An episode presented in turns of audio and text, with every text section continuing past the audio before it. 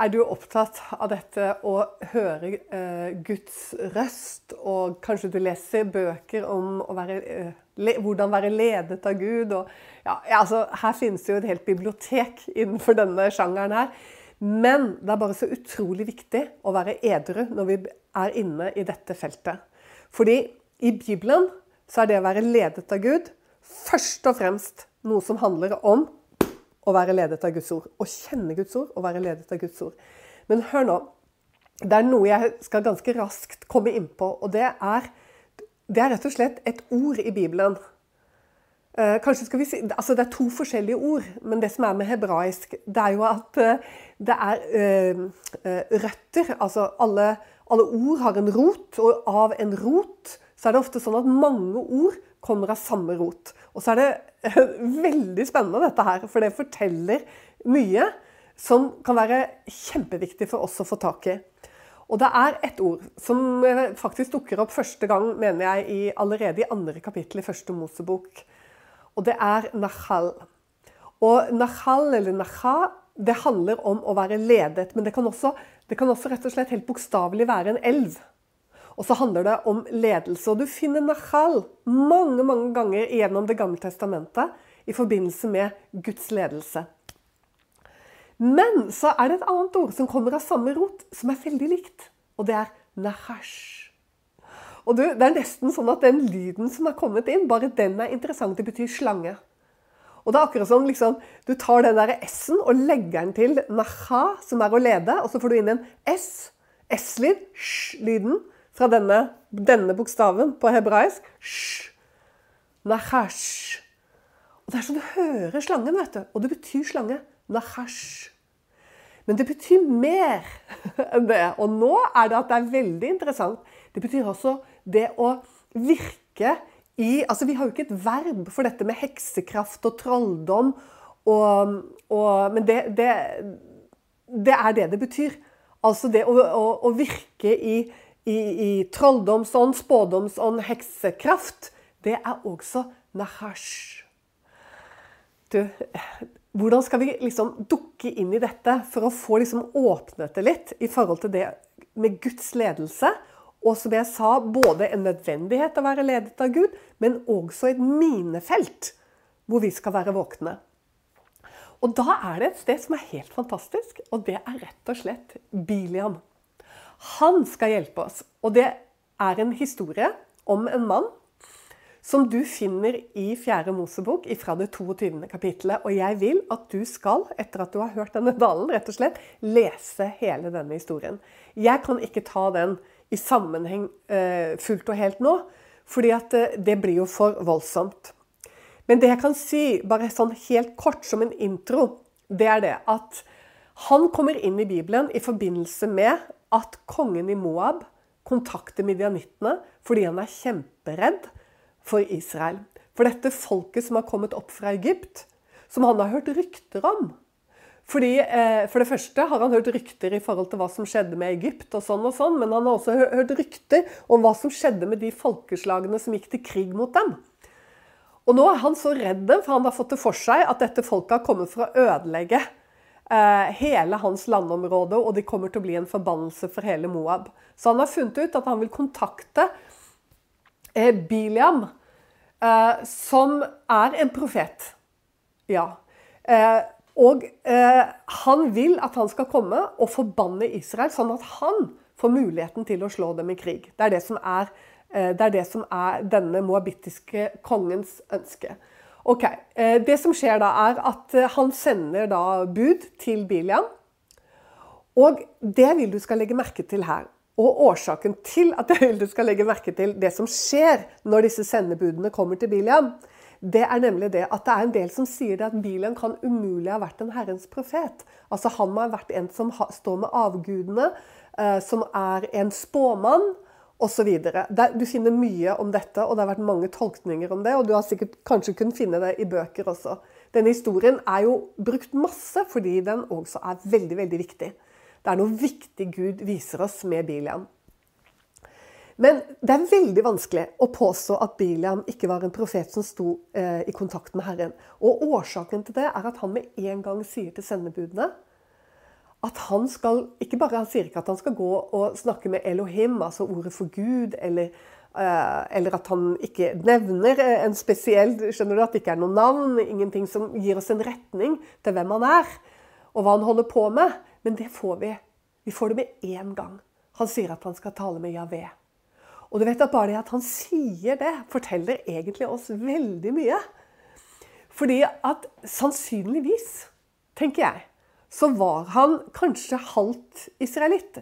Dette blir spekulasjoner. Vi vet ikke. Vi vet at han er sønn av en person som har et navn, altså en, uh, farsnavnet til hans er en som vi finner innenfor edomittene. Han kan ha vært edomitt, men han kan Jeg tenker Hva om han var halvt edomitt og halvt israelitt? Dette er ikke veldig viktig, altså. Men jeg bare sier det imot mange ulike teorier som jeg mener går veldig feil. Fordi at hvis han kjenner Javé, og det gjør han jo da, så må vi regne med at han har hatt med Israel å gjøre. Og han er en ting til. Det er at han sier at han kan ikke tale noe annet eller gjøre noe annet enn det Javé tillater. Altså Herren Gud, Israels Gud. Dette er kjempeviktig. Og han får jo beskjed at han altså, Det morsomme er jo at Gud, Gud begynner å tale til ham med en gang. Han kommer alene. Og han får beskjed liksom at Hva er det for et folk du har hos deg? Og det er interessant at Gud henvender seg på den måten, fordi det hjelper oss å forstå at her, her, de har en relasjon, altså. Og, han, og, Gud har på en måte forventa at Javé Altså, nei, unnskyld. Gud har her forventet at Bilian ikke har dette folket i huset. Og det er selvfølgelig ja, Altså, Biliam visste jo om dette folket.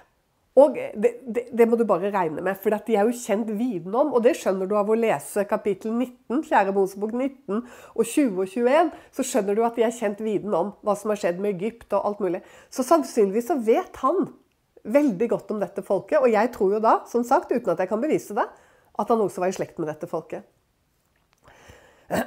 Sånn at Biliam skulle i utgangspunktet bare avvist dem i døren. Når, sier, når, når, når, han hører deres ærend, som er at han skal komme og forbanne folk som Gud har velsignet. Så han burde bare avvist dem der og da. Så det første Gud sier, hva, er det for et folk du har hos deg? liksom? Og så sier han jo, jo, jo, de vil at jeg skal komme og forbanne dem. Så kommer det bare klar tale. Du skal ikke forbanne dem, for de er velsignet, og du skal ikke gå med dem. Og han kommer tilbake og er eh, så ærlig profet at han sier det. Hva, hva, Gud, Herren, har sagt til ham. Han kan ikke gå med dem, og sånn og sånn. Og de må dra tilbake med uforrettet eh, eh, gjerning. Men saken er at kongen i Moab han har ikke tenkt å gi seg med det. Så det han gjør, da, snoken, er at han sender folk som er av enda høyere betydning. Sånn. Vi vet at de første hadde profetland med seg. Eh, og den var sikkert stor. Men jeg tenker det er bare så uendelig smart i forhold til dette å få betydning og ære. Og det betyr jo mye for mennesker. Så kongen i Moab er smart. Han sender folk av enda høyere betydning. Altså mennesker som det er enda viktigere å holde seg inne med. De sender han til Biliam en gang til. For å liksom nøde han til å komme. Og her dere, så gjør jo Biliam dette, nemlig at han, han, han sier igjen at han kan ikke gjøre noe annet enn det Javé. Her er det viktig at du ser på hebraisken. Sant? Det er ikke snakk om Baal, det er ikke snakk om en spåmann, dette her. Han kan ikke gjøre noe annet enn det han sier, men, men så kommer det. Bli over her, også i natt. Og så skal jeg se om det er noe mer han har å si. Og det er akkurat dette i forhold til ledelse, for det er jo det Biliam søker her. Han søker Guds ledelse. Og dere, saken er at Biliam vil jo så gjerne dra med dem. Han ser rikdommen han kommer til å få med å dra med dem. Han ser æren og betydningen det kommer til å gi han å reise med dem. Altså viljen i hjertet til Biliam er å reise med dem. Det er helt åpenbart fordi at det gagner han. Altså, han tenker Det gagner ikke han. Men dette er jo nettopp Nahash, slangen, inni dette. Det gagner han ikke. Men han tror at det gagner han. Og han vil så gjerne dra med eh, disse utsendingene. Så han, vil, han sier at han skal sjekke hva mer Gud har å si. Og her må jeg bare ta en liten pause. fordi det skjer jo at folk tar kontakt med meg på ulike måter.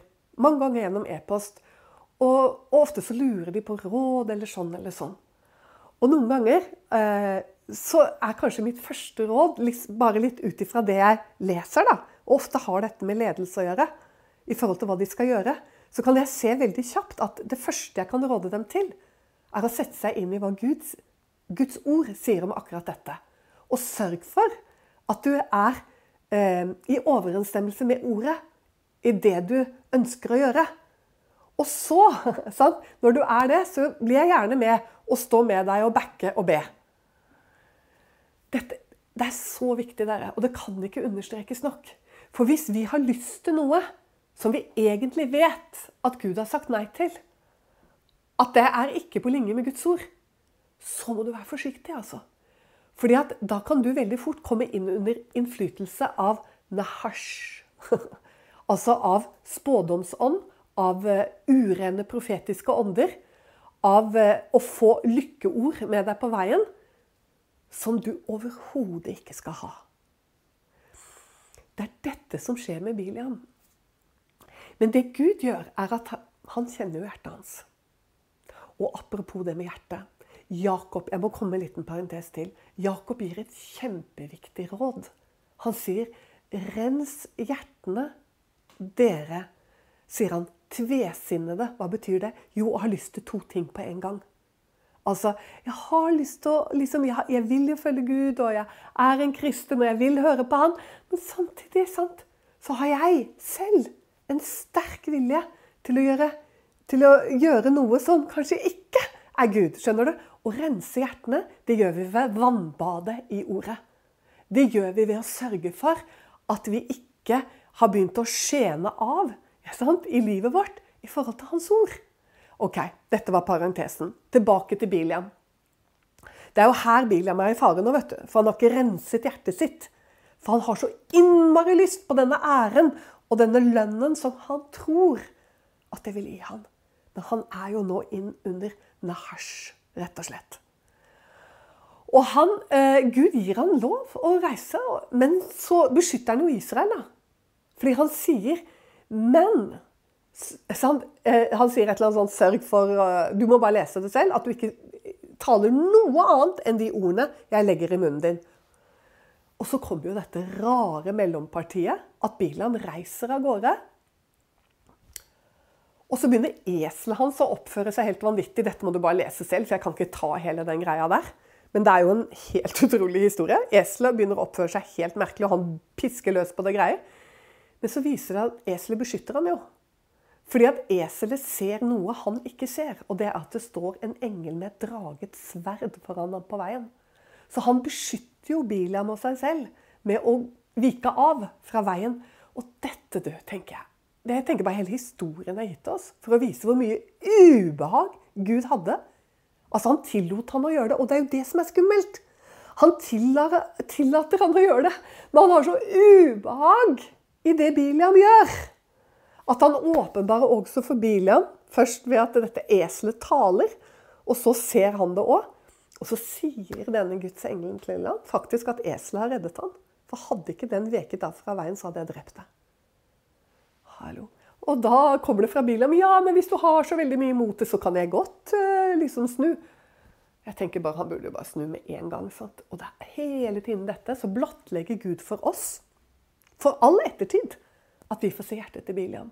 Heller ikke her er Biliam resolutt på å snu og gå tilbake. Han fortsetter. Men Gud sier OK, og gjentar ikke sant, at han bare ikke sier noe annet enn det som eh, han legger i munnen hans. Og så du, og nå begynner det å bli veldig spennende. Nå dumper vi videre i historien og går rett til eh, møtet med, med, kongen, med, med Balak i Moab og han, og de går rett opp ikke sant, på denne fjelltoppen. Og det er interessant, disse toppene uansett, så det får du bare sjekke, du som har lyst. Og eh, bygger alteret der og sånn og sånn. Og, og Biliam han, eh, Først én gang går Biliam for å høre, og han kommer tilbake og bare velsigner Israel. ikke sant? Han står oppe på denne fjelltoppen, og Balak er så spent på forbannelsen. Men det er bare Gud som taler gjennom Biliam, og han bare velsigner Israel. Og eh, Biliam blir jo, nei, Balak blir jo veldig sint for dette her, og sier, går til et nytt sted, og jeg mener det er Piska, den toppen heter, og sier at, og, du, eh, og forbann dem herfra, sier han. Nå er det ikke sånn at liksom, bare gå og hør hva Gud sier, men han sier 'forbann dem fra meg herfra'. Og det interessante da er at du ser at da for første gang brukes ikke Javé-navnet når, eh, når William nå skal gå bort for å høre fra Gud, så sier han ikke lenger at han skal gå og spørre Javé. For nå har han så lyst til å forbanne Israel. At han sier at han går bort for å få en encounter på engelsk. Eller et møte. Han skal få et møte. Han har så lyst til å forbanne Israel. Men det som skjer da, vet du Du må lese det. Det er helt fantastisk. Vi er i 23. kapittel nå. På slutten av 23. kapittel så står det hvordan, eh, hvordan spådomsånd og forbannelser ikke virker på Israel. ikke sant? At kong... Ja, nei, du må bare lese det. Sånn at Gud vet nå hvor mye Biliam ville forbanne, og han vet hva Balak ikke sant, holder på med. Du, jeg tror vi må lese akkurat det, for det er så utrolig bra, det som står der. Det er litt sånn ulike, det har vært litt, litt ulike oversettelser, og det er tydelig litt vanskelig å oversette fra hebraisk. Men kanskje er det sånn som det er mange ganger, at begge oversettelsene på ulike måter på norsk eh, kommer med viktige ting. Og kanskje kan det bety litt begge deler. Eh, men hør nå. Det som han kommer tilbake med nå, da, når han, virker, når han ikke engang ville si Javé, for han vil bare gå for å få et møte, så, han, så begynner Gud å tale gjennom han. Og så, sier, og, så, og, så, og så, kommer det Han skur ingen misgjerning i Jakob, og han så ingen ondskap i Israel. Herren hans Gud er med ham, og jubelrop som av en konge lyder eh, blant dem. Og så kommer det. Det var Gud som førte dem ut av Egypt. Styrke har de som en villokse. Ja, han står det her. Eh, I 1930 står det at det er Israel som har styrke som en villokse. Jeg tror det egentlig er det mest riktige, det som er 1930. Hør nå. For ingen besvergelse nytter mot Jakob, ingen spådom vinner fram mot Israel. Nå må det sies om Jakob og Israel se hva Gud har gjort. Du, det er helt fantastisk. Her, ikke sant, prøver da eh, Biliam så godt han bare kan, og unngår i det hele tatt liksom eh, å si eh, gudsnavnet og hvem han faktisk skal eh, møte og få et ord fra. Men så står han jo der og velsigner igjen. Og, men, men Balak han gir seg ikke og vil eh, igjen prøve han. Men hør nå hva det står i 24. verset. Hør hva det står.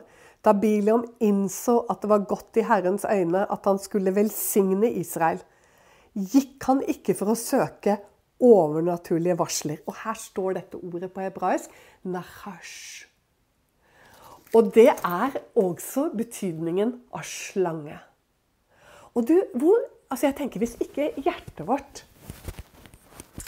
uh, Hvis ikke hjertet vårt er renset, hvor, hvor, hvor viktig er det ikke at vi, at vi passer på at hjertet vårt er renset i Guds ord? At ikke det er vår vilje som vi prøver å sant, tvinge igjennom. da. Fordi vi vil så gjerne, selv om vi vet at i Guds ord så får jeg ikke dette til å stemme. Og du vet bare det at dette ordet, som både betyr elv, nahal, eh, lede, naha, og kan også faktisk være nahal, å lede. Og så kommer nahash, slange, og nahash, eh, spådom, eh, trolldom. Du, jeg tenker dette er virkelig noe som vi må ta til oss. Og nahal eh, kommer jo første gang i andre Mosebok i forbindelse med denne elven som rant ut av eden og vannet hele hagen. Og så delte dette vannet seg videre ut fra eden og ble til fire bekker. Altså vi er tilbake i eden. Der er den første nahal. Men der dukker også den første nahash opp. Som leder Eva, kvinnen, ut Eh, egentlig så har jeg ikke lyst til å kalle henne Eva, for jeg heter jo Eva. Men også fordi hun ikke het Eva på dette tidspunktet. Dette var jo et navn hun fikk senere. Men samme det. Som leder kvinnen til å ta feil avgjørelse. Fordi hun hører på denne hysj. og, og hva er det for noe? Hun har så lyst. Det er jo det som skjer. Først får han henne til å tvile på ordet. Det er det første som skjer. sant? Hun begynner å tvile på det Gud har sagt, akkurat som Biliam tvilte på at kan jo hende Gud hadde noe mer å si. Det kan jo hende han hadde noe han hadde lyst til å legge til. ikke sant? Så tenker kvinnen her i, eh, i begynnelsen av første Mosebok at ja, men det var ikke sikkert han mente det akkurat sånn. ikke sant? Altså, Slangen Nahash får henne til å tvile på det Gud har sagt. Det er det første som skjer. Og så det andre som skjer, er at du ser jo at det han sier, ja, men det er jo så godt, og jeg har så lyst til det.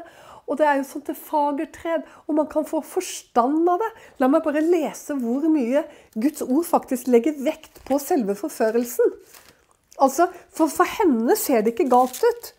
For henne virker det, virker det jo veldig bra. For det står det Men Skal vi se eh, Jo, sjette verset, tredje kapittel. Da kvinnen så at treet var godt å ete, at det var en lyst for øynene, og et tre til å begjære siden den kunne få forstand av det, da tok hun av frukten og åt. Er ikke det bare kjempeinteressant? Det er nemlig denne lysten i vårt hjerte, da. Gud har sagt, og vi vet hva Gud har sagt. Men så har man jo bare sånn så lyst. Og, det, og, dette går jo også rett inn i et uh, vers hvor uh, Paulus i Korinterbrevet tar opp dette her med hvordan uh, kvinnen ble dåret. ikke sant? Hvordan, liksom, hvordan, han kom og fikk ledet henne bort. Og nå skal jeg lese For jeg har det her på mobilen, og nå skal jeg lese det sånn som det står.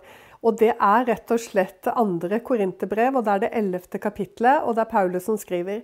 Men jeg frykter for at liksom slangen dåret, dåret Eva med sin list.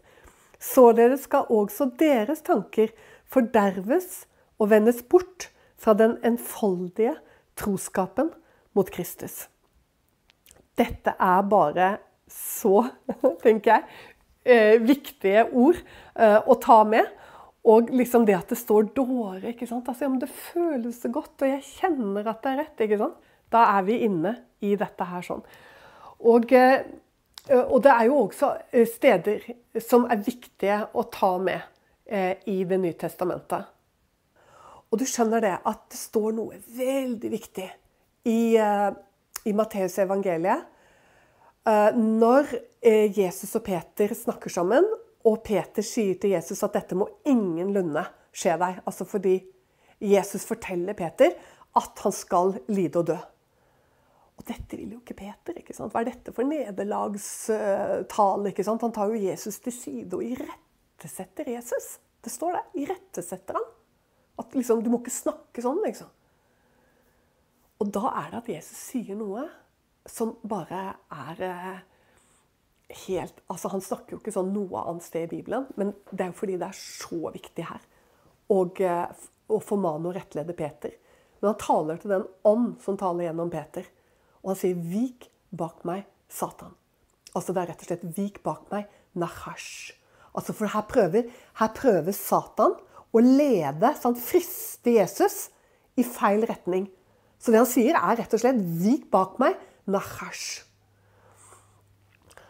Og du, så sier han, og det er det jeg vil at du skal høre nå For, for du har ikke sans for det som hører Gud til. Altså, Du har ikke sans for Guds ledelse. Og så kommer det en ting til. Men du har bare sans for det som hører menneskene til. Det er jo det han hadde med kvinnen der i begynnelsen. ikke sant? Han hadde sansen med å liksom fremstille dette som noe som var veldig bra. Sant? Du får forstand av det, du vil få dine øyne åpnet. Sant? Altså, og du kjenner jo at det er godt. ikke sant? Du ser jo hvor godt det er. Du føler vel det, at dette er godt. Sånn? Det er jo sånn vi kan kjenne. Ja, men jeg føler at det er så godt. Jeg føler det er rett, jeg. Ja. ja, jeg føler at det er helt rett. Og hvis du visste hvor mange jeg har hørt si sånn til meg, at de føler at det er rett, og de kjenner det er rett Men saken er er det rett etter Guds ord, det du gjør. Det er det, skjønner du. Fordi han, det står at Jesus sa at han hadde sans for menneskene, det som hører menneskene til. Men han har jo ikke det. Sånn? Han førte jo mennesket ut i den totale elendighet. Sånn? Han har tilsynelatende, det er jo det Jesus mener. Tilsynelatende. Sansen. Det står jo til og med at han Det står så mye om dette. Han kler seg jo om som lysets engel. Det virker jo som det er så bra, og det er så nydelig. Han kler seg om. Det virker bra. Han, han, vet hva vi liker. Han vet hvordan vi har lyst til å ha det i denne vanskelige, trange verden. Vi ønsker ikke å ha det så vanskelig. Vi ønsker ikke å bli forfulgt. Vi ønsker ikke å få problemer i relasjoner, i familier og på jobben fordi vi sier hva Guds ord sier. Vi ønsker ikke det. Sånn? Så da vil vi heller si noe som ikke Guds ord sier, da. Sånn? Og det er denne her Han har sansen for det som hører menneskene til. Det var egentlig Jeg tenker det er mange andre steder jeg kunne vært innom nå. Og eh, kanskje litt pga. min egen hals i dag. Eh, så kanskje jeg skal gi meg nå, og så kommer det kanskje en del to. Men jeg har lyst til å si til deg at kanskje spesielt denne gangen at du noterer deg de stedene, eh, skriftstedene, og at du leser etter. At du går etter i Skriften, og at du går til Jakob, at du går til Matteusevangeliet og leser i forbindelse med Jesus og Peter. Eller at du leser i, i, i Matteus evangeliet 22. kapittel. Det glemte jeg å si. ikke sant? Jesus sa 'Hvorfor går dere vill?' Sant? Fordi dere ikke kjenner Skriftene, og heller ikke Guds kraft. Altså, Den onde vil alltid nahash. Han vil alltid sant? Og det er så utrolig spennende at det kommer av å lede. Han vil alltid lede vill. Og husk at synd, det betyr egentlig det Jesus sier. Hvorfor går dere vill? Altså feil vei, bomme på målet. Ledet vill. Det er det synd er. Det er å bli ledet vill. Sånn at når Jesus sier 'hvorfor går dere vill'? Jo, fordi dere ikke kjenner Skriftene, og heller ikke Guds kraft. Og vi vet at Det står f.eks. I, i Salmenes bok så står det jo dette at Ditt ord er en lykt for min fot og et lys på min sti, står det i Salme mener 119 vers 105. Så der ser du igjen det å ha ledelse det er å følge Guds ord. Altså Det å være ledet det er å følge ordet. Det er en lykt for foten min, og det er et lys på stien min. Jesus sier jo også at 'jeg er veien'. Altså han er, og han som er ordet. Dette er jo sant, Johannes evangeliet. Han som er ordet, han er veien. Så det å bli han, å bli i mine ord, sier Jesus. Hvem er den som elsker meg? Jo, det er den som blir i mitt ord. For da blir vi på veien, og da blir vi ikke ledet vill. Det står også i ordspråkene, jeg mener det er 29. kapittel, hvor det står dette at uten åpenbaring blir folket tøylesløst. Andre steder så står det litt sånn hemningsløst og litt sånn, men dette ordet som brukes her på hebraisk, det er et ord som vi um, Restrain oversetter man det med på engelsk, og man bruker det ofte i forbindelse med hester. Så jeg mener at det er en nydelig oversettelse å si at man blir tøylesløs. Fordi tøyler har jo med å styre. og lede. Og når det ikke er tøyler på hesten, så går hesten hvor den vil. Altså du kommer ut av eh, veien, ut av ledelsen. Du kommer over i andre eh, sant? Du kommer ut av det. Det er ikke noe restrain, det er ikke noe tøyler som holder på den rette vei. Nei, det er Det viker av.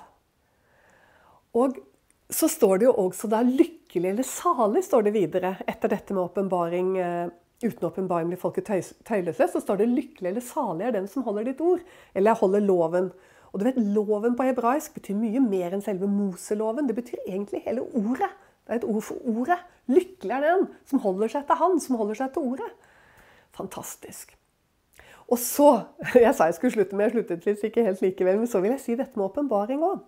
For litt for ofte så oversetter jo dette eh, med vision, f.eks. Eh, på engelsk. Man oversetter eh, det hebraiske ordet for åpenbaring med vision. Og vision det kan jo være noe flyktige greier. ikke sant? Visjoner på norsk. Men veldig ofte på hebraisk så er det mye mer knytta til ordet. Det, det hebraiske ordet for åpenbaring handler om å se. I betydning av forstå. Derfor står det ofte i Skriften 'se'. Har du sett det? Det står sånn 'se', eller på engelsk 'behold'. Så, for det hebraiske ordet kommer av å se eller holde fast. Eller å eie. Og jeg tenker på det der å holde fast. altså, Det er så nydelig med hebraisk. Det er så konkret. Alle begreper kommer ut av noe konkret. Holde noe fast. Jeg tenker på barn hva, som skal eie noe. Det, de står i hver sin ende, akkurat som mine barnebarn gjør. Og så står de og drar i samme leken. Og den som da får tak i den og den andre begynner å gråte, det er liksom den som eier den. Den, den som har holdt godt fast på den. Men dette var bare for å lede tankene dine i forhold til åpenbaring handler om å virkelig forstå Guds ord. Eie det. Holde det fast. Holde fast på det. Eie det. Og selvfølgelig også åpenbaring at Gud kan jo, og det vet vi jo, gripe inn i åpenbaring. Han kan komme i et syn, han kan komme i drøm. Absolutt. Han kan tale til og med lydelig røst, han kan tale inn i hjertet vårt. Men det som er viktig hele tiden, er å knytte dette til ordet. Alt som er utenfor ordet i Bibelen, må prøves. Alle ånder utenfor må prøves på ordet. Og taler de åndene noe som er i konflikt med Guds ord, så er faren for at du er under nahash ganske stor. Og det betyr at du holder på å bli ledet feil. Dere, det er vidunderlig med denne boka her, hva? Bibelen. Den er så troverdig, og den er så gjennom Hva skal jeg si? Den er så støpt i sammen. Hver eneste bok i Bibelen. Den er så 100% troverdig. Og Hvis jeg skulle gi deg et råd, hvis du syns du har litt ledig tid og ikke vet helt hva du skal begynne med av hobby, Begynn å granske Skriftene, sånn som Jesus sa. At vi må kjenne Skriftene. Og jo mer du kjenner av den boka her Legg vekk nå utover høsten alle mulige andre bøker og byggelig litteratur. Bestem deg for at du skal sette deg inn i Guds ord. Kjøp bibelleksikon og, og ja, andre bøker som hjelper deg å åpne Bibelen. Bibelatlas, hva som helst. Eh, som kan hjelpe deg. Bruk Google, bruk det heftig. Fins flotte nettsider som hjelper deg å åpne opp denne boka her sånn. Fordi at den er vår ledelse, først og fremst. Og når jeg har sagt det nå, så gjenstår det for meg å si til deg Gud velsigne deg.